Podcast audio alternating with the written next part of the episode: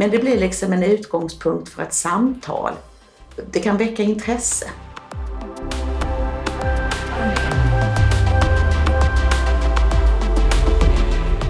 Hej och välkommen till Svampen. Vi är ST-rådet i Svensk förening för allmänmedicin, SVAM. Vi är ST-läkare och nyblivna specialister från hela Sverige och vi vill bidra till att föra allmänmedicinen framåt. I den här poddserien kommer vi att samtala med personer som på olika sätt brinner för att utveckla just sin del av hälso och sjukvården. De är alla eldsjälar och vi är intresserade av att få veta vad det är som driver dem och att lära oss av deras erfarenheter. Välkommen till Svampen!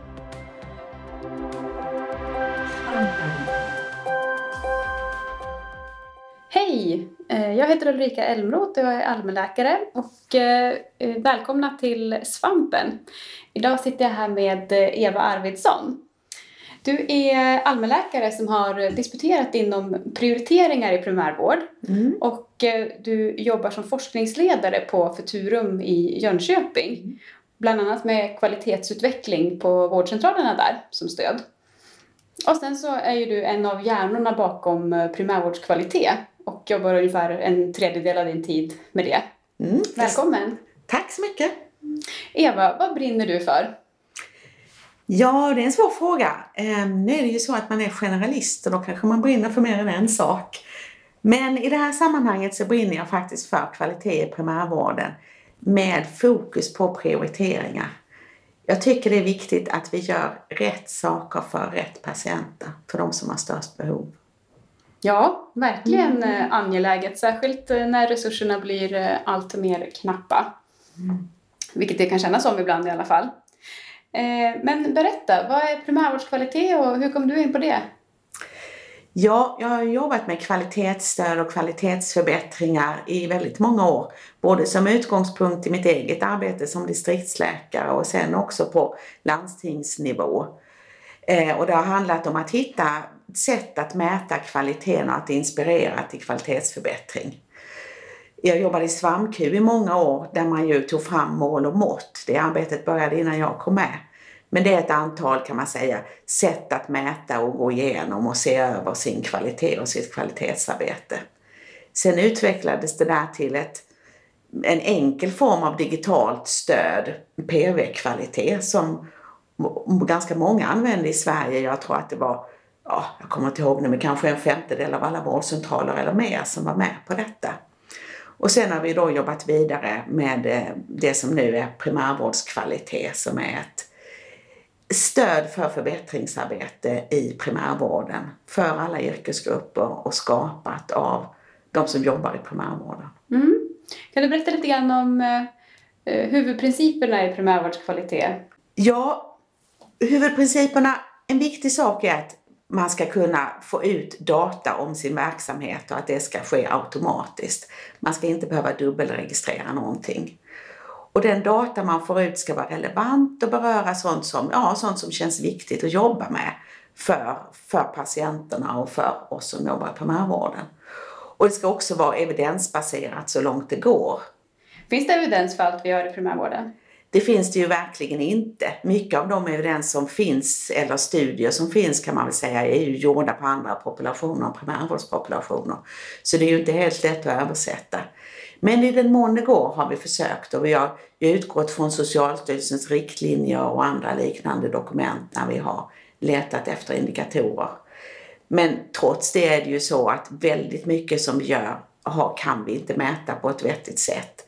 Och det finns inte heller några studier som visar exakt hur det ska gå till och vad som är rätt sätt. Hur, hur gör man då, då?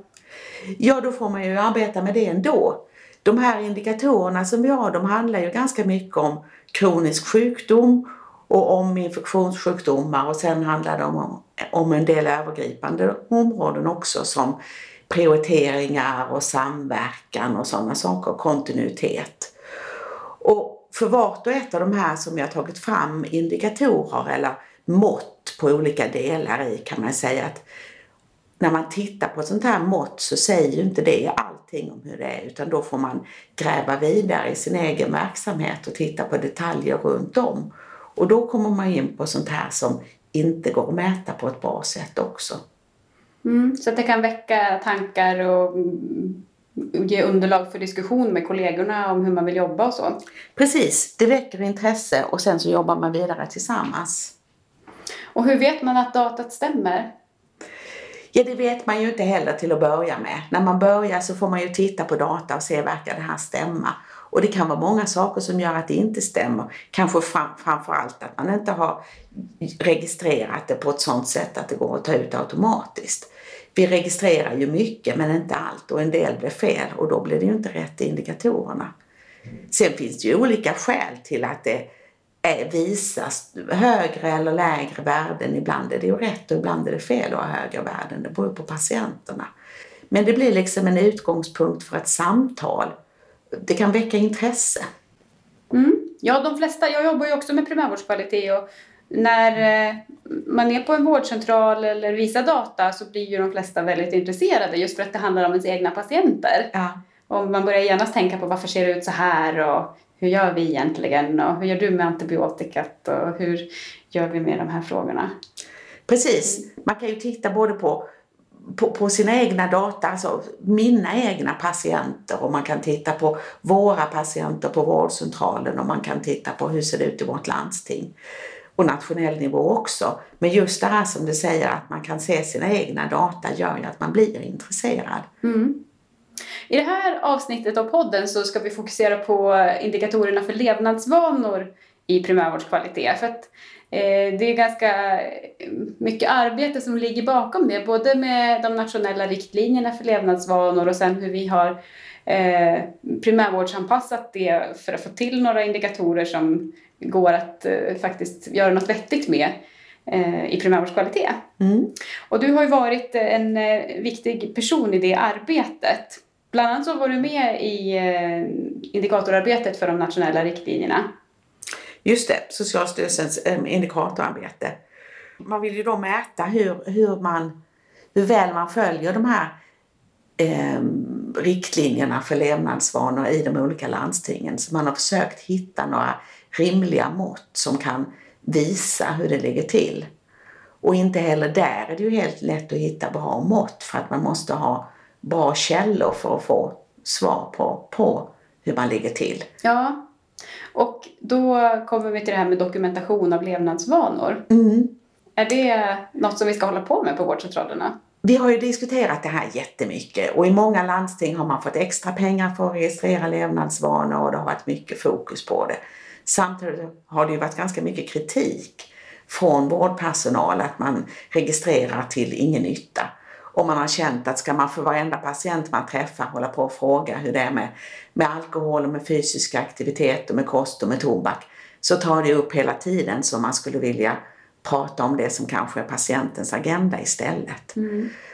Så att vi har nu sagt att nej, man ska inte registrera eller notera det här för varje patient utan man ska dokumentera det när det är relevant. Mm. Det tror jag många blir glada över. Ja, det, det, så känner vi själva att man vill jobba så det hoppas vi att andra också tycker. Ja, vi ska gå in på de här olika levnadsvanorna eh, om en liten stund. Eh, och så, ta dem en och en. Men först, hur är de här riktlinjerna konstruerade? Vilka levnadsvanor handlar det om och, och vad är det för eh, insatser som man tycker är eh, relevanta? I princip handlar ju riktlinjerna bara om fysisk aktivitet, om kost, om tobak och om alkohol och egentligen inga andra levnadsvanor. Det finns ju andra saker som vi pratar om, sömn, mm, ja, sömn och stress till exempel som också är viktigt. Men det finns inte med i de nationella riktlinjerna. Och sen handlar det ju då om olika åtgärder mot, för de som har en ohälsosam levnadsvana. Röker, motionerar för lite, dricker för mycket och så vidare. Då finns det olika åtgärder som är evidensbaserade och då har man ju försökt följa vilka åtgärder finns det? Och då handlar det egentligen om eh, tre olika åtgärder kan man säga som är enkla råd, rådgivande samtal och kvalificerat rådgivande samtal. Och det är några få andra åtgärder men det är till största delen de som man har följt upp. Ja, är det dags att börja gå in på varje levnadsvana nu? Ja, det Ja. kan vi göra. Eller vänta, vi kan säga en sak till. att när vi tittar på vad man kan mäta i vad vi registrerar eller vad som finns som man kan ta ut ur, dokumentera är ett bättre ord, vad vi dokumenterar och som man kan få ut ur journalerna så är det ju då egentligen kan man säga fyra nivåer. Om vi tar tobak till, som exempel så kan man titta, finns det någon notering överhuvudtaget om tobak på en viss patient? Finns det något värde på det här då? Till exempel att man röker si eller så många cigaretter eller inte röker alls. Och sen nästa är då om man har fått en åtgärd, enkla råd eller rådgivande samtal eller kvalificerat rådgivande samtal. Och den tredje är om man har fått minskat sin rökning till exempel då efter eller till och med slutat efter ett sånt här rådgivande samtal. Det vill säga mm. resultatet eller värdet efter åtgärden. Mm. Och det gäller egentligen för alla fyra levnadsvanorna att det är liksom liknande eh, med de här fyra nivåerna. Mm. Och hur återspeglas det i indikatorerna? Ja, då är det ju som vi pratade om nyss att vi har valt att inte ha med indikatorer på om det finns en dokumentation kring levnadsvanan på vissa patientgrupper och inte heller vad värdet är på den dokumentationen. Så rökning, till... ja eller nej, eller hur många packår eller någonting, det behöver man inte hålla på och räkna? Nej, vi har inte någon indikator om det. Nej, just det. Så att man kan inte säga hur många, ja, vi har inte som en indikator hur många av dem som till exempel har hjärt-kärlsjukdom röker och hur många röker inte. Mm -hmm. Men vore inte det bra då? Ja, på ett sätt så vore det väl intressant att veta. Men då kommer man till det här att man måste också registrera kanske hela tiden och för de som inte röker. Och det är just det att hålla på och fråga om och om igen. Motionerar du fortfarande och har du fortfarande inte börjat röka för att det ska finnas i dokumentationen? Det är det man inte vill göra. Däremot så tror jag att de allra flesta skulle säga att det är viktigt att vi dokumenterar på de patienter där det är ett problem. Mm. Så det är det ju, även om vi inte har gjort någon indikator. Ja, just det. Så det är de, de patienterna som man vill kunna följa upp levnadsvanor i primärvårdskvalitet, där ska man dokumentera den levnadsvanan? Precis. Ja. Då kan man följa upp det. De som röker där det inte är bra, ja det är väl egentligen aldrig bra att röka, men har man då dokumenterat hur mycket patienter röker så kan man ju sen också följa upp om ifall de här personerna har blivit det, har fått rådgivande samtal till exempel och vad effekten av de rådgivande samtalen är. Ja, men det låter ju mer anpassat till vår verklighet på vårdcentralen. Mm. Mm. Men då ska vi gå in på de här enskilda ja. levnadsvanorna. Och då fanns det ju fyra stycken då. Det fanns tobak, fysisk aktivitet, alkohol och eh, kost. Vi har ju redan varit inne lite grann på, på tobak och rökning. Ja. Ska vi börja med den? Ja, när det gäller tobak så har vi ju då kan man säga två typer av indikatorer. Det ena är har man fått en åtgärd i form av rådgivande samtal eller kvalificerat rådgivande samtal så har man fått en eller flera av de här åtgärderna eller inte. Och den indikatorn har vi för olika yrkesgrupper och för olika sjukdomar tillsammans men också var för sig för ganska många olika kroniska sjukdomar. Så man kan säga både totalt för vårdcentralens patienter men också gå in på olika sjukdomsområden, typ kranskärlssjukdom eller KOL eller förmaksflimmer eller diabetes eller så? Just precis. En och en. Ja, vad bra. Och nästa steg då det är att man kan se av de som har fått de här åtgärderna, hur många av dem har då en mer hälsosam levnadsvana? I det här fallet rimligen att man inte röker alls. Eller kanske att man har minskat sin rökning då. Efteråt? Ja, efteråt. Just det. Och då efteråt då måste man i alla fall göra en registrering att nu har patienten slutat röka? Ja, och man måste ju egentligen ha gjort registreringen innan också. För det är ju de vi söker fram av de som röker så att säga, hur många av dem har fått de här åtgärderna. Mm. Så har man inte gjort den här grundregistreringen att rökarna röker, då kan man inte hitta dem. Nej. Men vi mäter liksom inte själva det, har vi gjort dokumentationen, men den krävs för indikatorn. Mm. Just det. Mm. Eh, är det något annat med rökningen där? Är det snus är det också med? Nej, snus har vi inte med. Och det är väl inte nyttigt att snusa heller, men vi har en slags balansgång mellan att göra ett rimligt antal indikatorer och då har vi valt bort snusning i alla fall hittills. Mm. Okej. Okay. Jaha, och nästa levnadsvana, ska vi ta fysisk aktivitet? Ja, fysisk aktivitet. det är ju samma sak där då att man registrerar eller ja, jag skulle använda ordet dokumentera fysisk aktivitet. Och då har vi ju valt att ha den typen av dokumentation som Socialstyrelsen hade. Egentligen var det väl tydligt beskrivet i förra omgången av riktlinjerna med aktivitetsminuter. Och skälet till att vi har valt det är att det är så pass etablerat. Det är många som använder det. Man kan diskutera om det är det enklaste och bästa sättet. Det finns ju andra som använder att man motionerar ett visst antal gånger i veckan till exempel.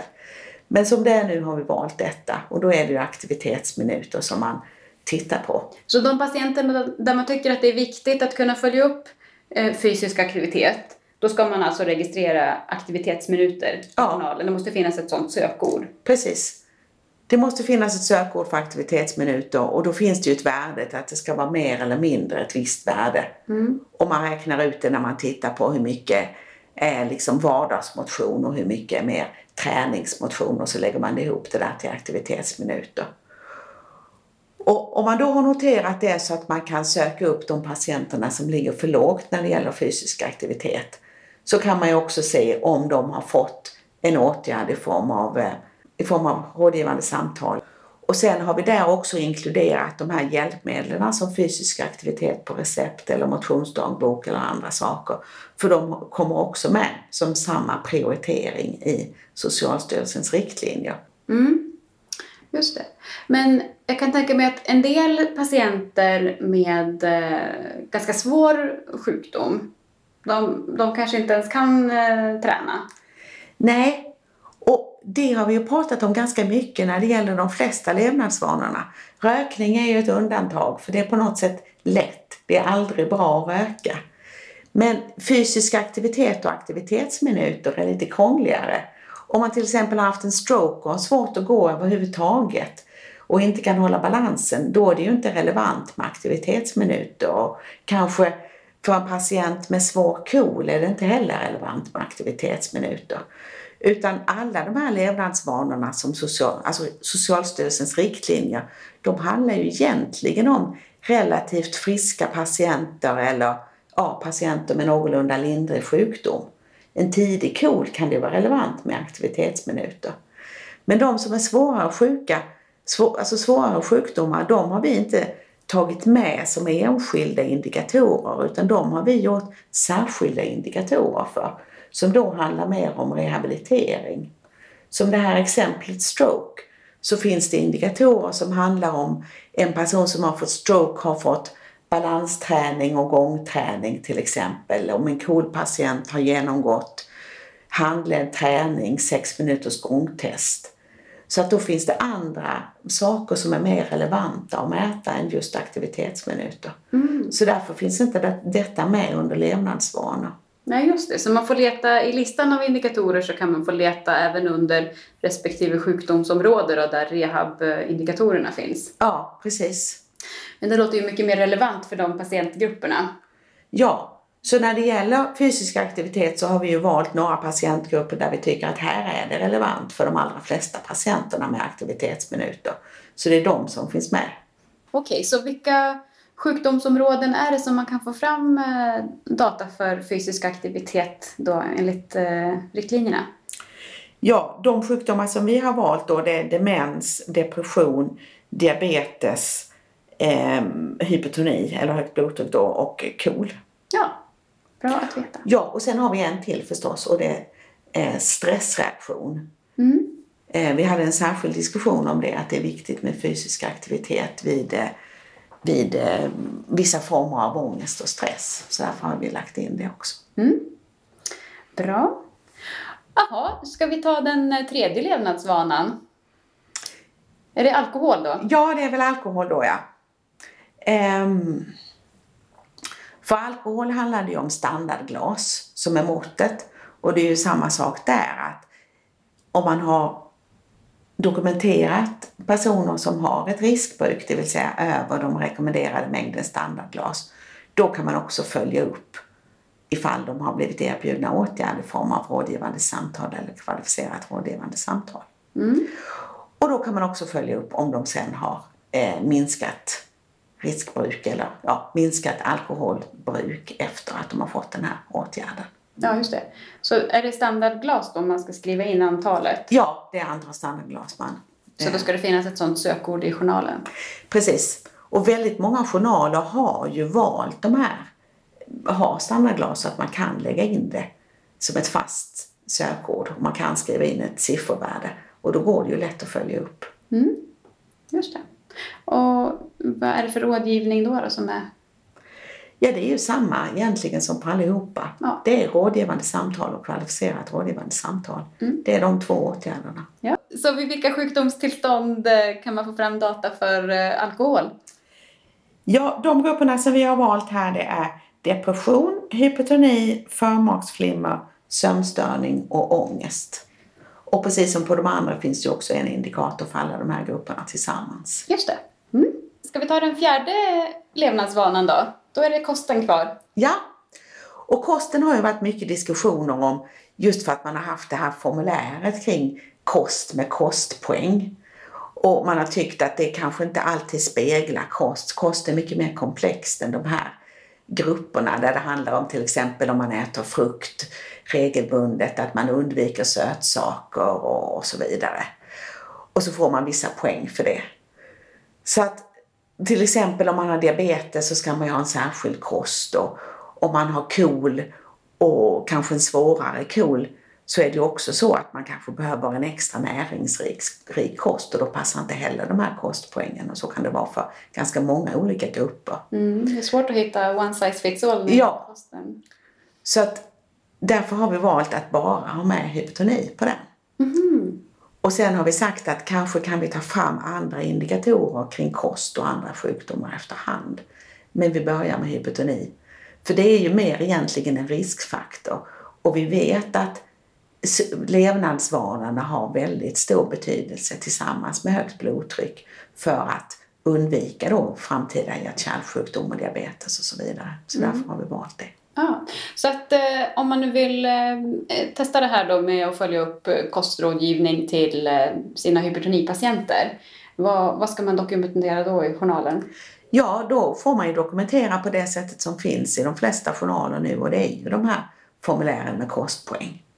Så man får gå in på dem och titta och sen så dokumentera vilken poäng patienten har. Mm. Och då kan man följa upp om de som har en, ett dåligt värde eller ett lågt värde så att säga, om de har fått eh, kostrådgivning. Just det. Okej, men då vet vi hur man ska eh, registrera och vilka patienter som eh, man kan använda det här till. Men eh, tänk om patienten tackar nej då? Ja, det har vi ju inget vettigt sätt att veta om utan vi kan bara mäta hur många som har fått det. I väldigt många indikatorer, och jag tror att det har stått i Socialstyrelsens också, eh, har man sagt vem har fått erbjudande om rökslutarstöd eller erbjudande om rådgivande samtal eller så. Och det skulle man ju egentligen vilja mäta. Men i nuläget har vi inget sätt att mäta det utan det blir vilka som har fått och vilka som inte har fått. Och återigen kan man säga att ja, detta är inte perfekt men det är ändå en utgångspunkt för ett samtal om hur vi jobbar med levnadsvanor på vårdcentralen. Så att jag tycker egentligen att det gör ingenting att vi inte kan mäta erbjudanden utan vi får titta på det vi gör Mm, och utgå från det. just det. Ja, för det blir ju nästa steg då. När man har allt det här datat framför sig, vad ska man göra då? Ja, då får man ju titta, hur ser det ut?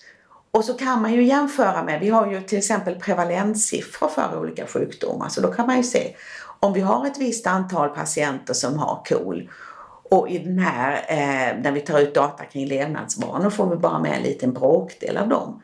Då kan man ju se att kanske är det så att vi är lite dåliga på att notera om patienterna röker eller inte och så får man fundera på det. Mm. Men förutsatt att man är ordentlig med det och noterar om patienterna röker när de har KOL, vilket ju egentligen känns ganska självklart kan jag tycka. Då kan man ju också mäta, har de fått åtgärder och har de slutat röka? Och på så vis kan man se till att de, de patienterna som, ja, som har KOL och som skulle ha nytta av en sån här åtgärd som rökslutarstöd, att de får det. Det är ju en av de allra viktigaste sakerna man kan erbjuda de patienterna. Ja, viktig, viktigare än många läkemedel eller annan typ Ja. Mm. Så ligger man lågt här så får man väl fundera på vad beror det på? Fråga ett är ju naturligtvis, är det så att vi inte har dokumenterat det på ett sätt så vi kan få ut det? Och fråga två är, Gör vi för lite av det här? Och hur kan vi i så fall bli bättre?